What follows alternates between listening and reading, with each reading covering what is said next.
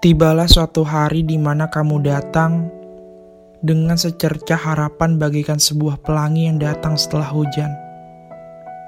Bagaikan hujan di musim kemarau.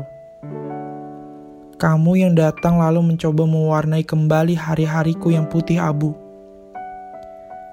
Senyummu yang membuatku tidak bisa berhenti untuk memikirkannya.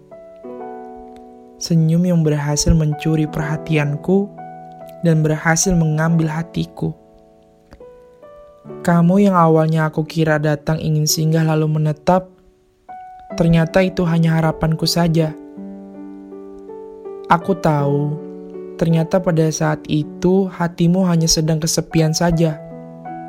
Lagi-lagi aku hampir saja dibunuh dengan ekspektasi yang sudah kau bangun sendiri. Seharusnya pada saat kamu datang, aku tanyakan terlebih dahulu. Perihal apakah kamu benar-benar ingin singgah, lalu ingin menetap, atau hanya ingin berteduh saja.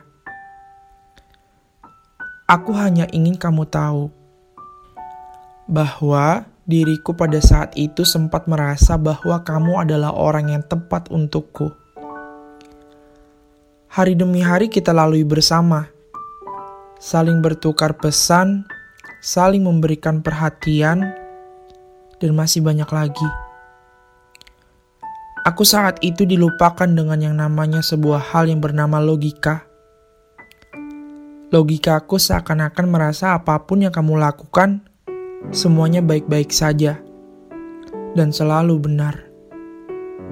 Namun, ternyata aku salah. Tak lama kemudian, setelah beberapa bulan kita menjalin sebuah hubungan sebagai layaknya sepasang kekasih, tibalah di mana kamu mulai berubah.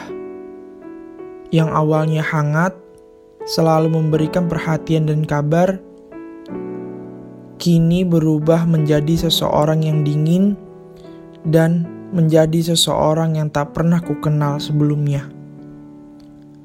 Kamu mulai menjauhiku dan sedangkan aku tak tahu apa-apa. Setelah aku tahu alasan dibalik kamu menjauhiku, ternyata kamu sudah menemukan pelangimu yang baru. Ketika warna pelangiku sudah mulai memudar, ketika hujan di luar sana sudah mulai reda, lantas kamu memilih untuk pergi, meninggalkanku di sini sendiri tanpa mengucapkan kalimat perpisahan.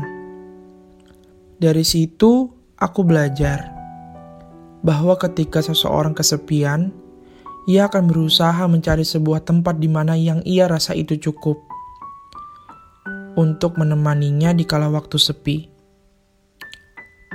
Namun, ketika bosan, justru ia memilih untuk pergi.